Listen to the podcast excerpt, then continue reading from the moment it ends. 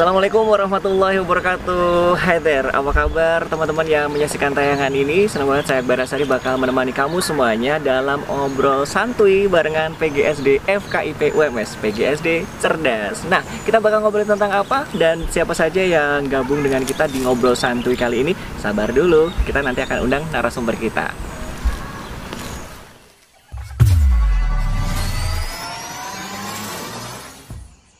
Ya, kali ini Akbar sudah bersama salah satu uh, narasumber kita yang bakal kita ulik-ulik uh, tentang PGSD dan temanya ini adalah setelah lulus PGSD itu mau kerja apa sih, mau kerja ke mana gitu ya. Nah, sebelum nanti kita bahas lebih dalam lagi, kita kenalkan dulu ada siapakah yang sini? Deng deng deng deng deng deng. nah, ini adalah Bapak kalau saya panggil Bapak aja Aduh, ya. Jangan Bapak lah. Enggak Bapak ya, Kakak tapi aja. Kakak, kakak. Oke, ini adalah eh, Pak Taufik Muhammad Taufik Hidayat. Hidayat SPD MPD. Nah, beliau salah satu pengajar di PGSD PGSD UMS. UMS. Nah, betul banget. Nah, ini sebelum ngobrol-ngobrol tentang PGSD itu sendiri, eh, secara tidak langsung kita pengen kenal dong ya. Pengen kenal. Hmm, boleh, boleh, Iya boleh. kan? Tak kenal maka kita kenalan. Ya, ya, ya. Ibarat seperti itu Pak Topik. Nah, Pak Topik boleh diceritakan dulu sebenarnya dulu itu ketika jadi S1 backgroundnya apa, kemudian S2-nya backgroundnya apa, seperti apa boleh diceritakan dong. Hmm, panjang ya berarti ya dari S1, S2 gitu. Eh, dari SD juga Bang boleh, boleh, boleh. Atau TK atau PAUD. Dari sebelum TK Oke, paut. boleh, boleh ya. Ya udah dari S1 aja ya, biar Hmm. enggak enggak terlalu panjang. Hmm. Eh, aduh, sudah lama sekali ya. S1 saya masuk itu 2008 ya. Berapa tahun? Hmm. 12 tahun yang lalu ya. Eh, saya masuk S1 2008 itu PGSD di salah satu Di mana itu? perguruan tinggi di Semarang, di kota Semarang. Hmm. Kemudian lanjut lagi langsung itu S2 juga di situ tahun 2012. Lulus 2015 Mhm. di situ awal mulanya kenapa dulu masuk PG sebenarnya dari udah dari, udah dari lama ya saya ingin jadi guru SD senang dengan eh, hal-hal terkait dengan uh, keguruan SD itu dari SD Mhm.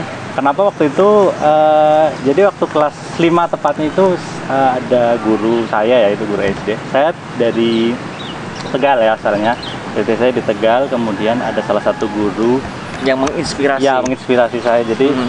eh, apa ya jadi saya sejak itu jadi tergerak kok sepertinya menjadi guru SD itu eh, hal yang apa ya hal yang seru dan juga hal yang sangat penting sekali ya kan sebentar. itu. Anda pengen jadi guru SD tapi Anda malah nyasar ke universitas.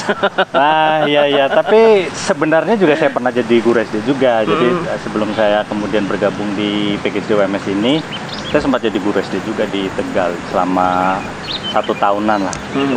Dan ketika dulu waktu masih kuliah baik S1 S2 juga saya aktif mengajar di bimbingan belajar. Mhm. Ya, itu juga ngajar anak-anak SD juga. Jadi eh, sudah sempat ba- kalau dihitung ya berarti dari bimbingan belajar kemudian di mengajar di SD itu ya tiga tahunan Hmm, akhirnya oke. bergabung di PGSD UMS tahun 2017 2017 ya akhirnya eh, bergabung juga dan mungkin eh, kan dulu konsentrasi kalau S2-nya apa nih? Saya IPA Kalau kalau PGSD itu kan ada beberapa konsentrasi Iya, ya. betul, betul, nah, betul. kalau Pak Taufik sendiri? nah ini PGSD kan memang prodi yang dia belajar semua ya Aha. dari bahasa Indonesia matematika IPS IPA Hmm. saya S2 nya kebetulan IPA Hmm. mengambilnya eh, di Digdas IPA pendidikan dasar IPA Pendidikan dasar IPA. Nah, berarti untuk teman-teman yang ingin masuk ke UMS dan khususnya ke PGSD ini, nah ini pilihannya bisa berarti nanti bisa ketika eh, kuliah di situ nanti bisa lanjut ke S2-nya pun S2 tergantung konsentrasi Iya, mereka masing-masing ya. Seperti Pak Topik ini IPA gitu kan. Jadi ada yang untuk S2 itu ada macam-macam ya, ada Hmm. yang dia khusus dia IPA atau IPS saja bahasa Indonesia saja. Tapi juga ada yang semuanya. Hmm. Hmm. Mata kuliahnya nanti berbeda di waktu S2 itu. Nah, itu mata kuliahnya berbeda. Nah, Pak, ini kan eh, berbicara mengenai PGSD dan topik kita ini kan lulusan PGSD itu nantinya bakal ke depannya ke mana gitu kan. Betul, Nah, kalau seperti Pak Taufik ini kan eh, notabene lulus lulus PGSD memang dulu pernah menjadi guru SD, Iya. kemudian sekarang tetap di dunia pendidikan, di dunia perguruan tinggi gitu. Nah, sebenarnya kalau berbicara tentang lulusan PGSD itu sendiri gimana sih? Kalau dari pengalaman pribadi dan juga dari teman-teman saya itu kan. gitu. Sebenarnya banyak ya. Jadi lulusan PGSD itu ternyata itu di dunia nyata itu tidak hanya jadi menjadi guru SD, Hmm. jadi lebih bervariasi, lebih variatif dari yang kita sangka. Bahkan saya dulu juga eh, berpikir, oh lulus SD, eh, PGSD juga ya sudah pasti nanti jadi guru SD sudah selesai kan. Hmm. seperti itu. Tapi macam-macam ternyata ada yang memang secara umum menjadi guru SD, guru SD pun itu macam-macam. Jadi ada yang di, eh, di SD negeri, ada yang di SD swasta, SD internasional, bahkan ada juga yang mengajar di SD luar negeri di kedutaan ada di misal kemarin ada rekrutmen di Jepang, Thailand, Arab Saudi. Selain jadi guru SD, ada juga yang tadi eh, seperti saya juga alami kan jadi mengajar di bimbel Hmm. atau bahkan ada yang buat bimbel sendiri juga ada. Jadi jadi, eh, CEO bimbel lah misalnya Hmm. itu kalau yang sudah sudah besar itu. Hmm. Terus karena mungkin karena ini ya karena di PGC itu kan kita itu belajar itu semuanya ya itu tadi yang Hmm, seperti hmm. saya sebutkan ada mulai dari matematika, bahasa Indonesia, IPS, Hmm. IPA. Jadi seni ya terus eh, dan juga seni ini yang menarik. Iya. Jadi kita itu seni musik, seni, Seni tari, musik ya, seninya- bahkan gamelan pun ada kan di betul PGSD. betul betul. Ah. Jadi apa ya kita dapat banyak sekali ilmu wawasan Hmm, juga eh, dan skill kayak di situ. Ada yang dia memang apa sih namanya jago dia menari atau menyanyi gitu kan kemudian dia jadi salah satu profesi dia Mhm. eh, menjadi pemusik juga ada Mhm. seperti itu selain juga kalau mungkin karena kita dari lulusan PGC memang basically suka anak suka ngajar anak kita pasti ada ada pekerjaan yang mengajar anaknya tapi juga eh, ditambah lagi macam-macam tadi yang dia menekuni dunia musik ada yang menekuni dia menulis juga ada kan ada bahasa Indonesia juga di situ Oke, nah mungkin ada juga muncul pertanyaan nih dari teman-teman yang eh, nonton tayangan ini nih. Eh, kenapa sih tertarik dengan PGSD gitu kan? Karena S1 PGSD, S2 PGSD. Ah, Why iya, iya, interest iya, with PGSD gitu?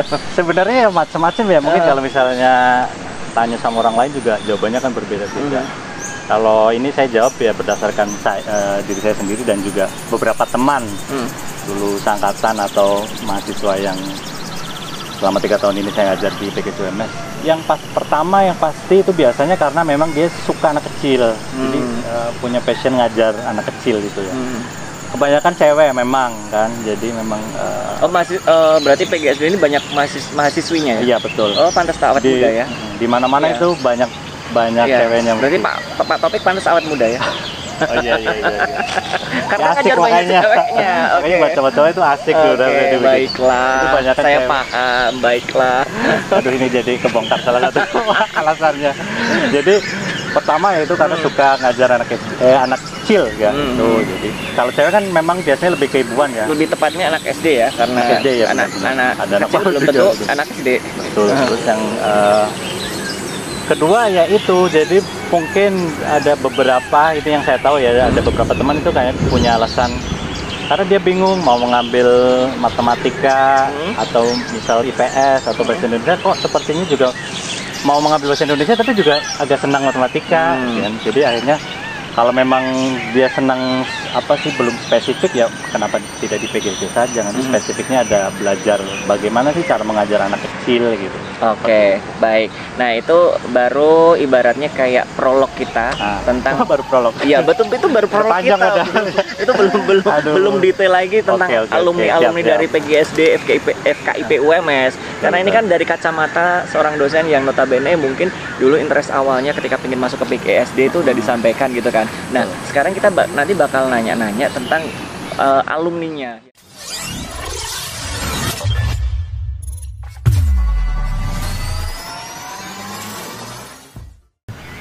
Nah, kita baru sedikit ngobrolin tentang PGSD FKIP Untas Muhammadiyah Surakarta. Kita belum berbicara lebih jauh lagi mengenai PGSD FKIP UMS karena kita baru berbicara dengan salah satu dosen, kita belum berbicara dengan alumninya karena sudah berproses di dalamnya. Seperti apakah pengalaman alumni kita yang akan join bareng kita?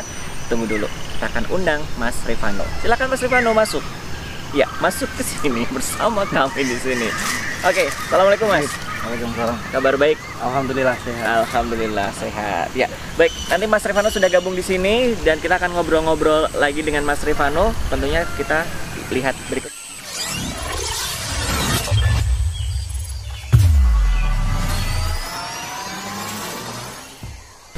Ya, kita masih ngobrol santuy bareng PGSD FKIP UMS PGSD cerdas. Ya, dan tentunya kita lagi nggak lagi mau putus shoot nih. Tapi kita cuma mau ngobrol-ngobrol tentang seputar dunia PGSD. Nah, eh tapi PGSD kepanjangan apa sih ngomong-ngomong? Pendidikan guru Pendidikan sekolah dasar. sekolah dasar. Oke, pendidikan guru sekolah dasar. Jadi untuk kamu teman-teman SMA yang pengen masuk ke Universitas Muhammadiyah Surakarta, tepat banget pilihannya ke PGSD ya. Jadi pastikan untuk memilih PGSD karena di sini sudah ada salah satu alumni yang bakal menceritakan pengalaman dia selama kuliah di Universitas Muhammadiyah Surakarta. Ada Mas Revano. Ya, oke. Ya, Oke. Nah, Mas ini ngomong-ngomong, Mas Revano dulu masuk tahun 2009 2009 dan lulus lulus tahun 2013 Dua- Wah, on time ini. On time ya. Oke. Nah, ini ber- itu berarti eh, PGSD angkatan keberapa ya waktu itu? angkatan ketiga Angkatan ketiga. angkatan ketiga angkatan pertama 2007 Mm-mm.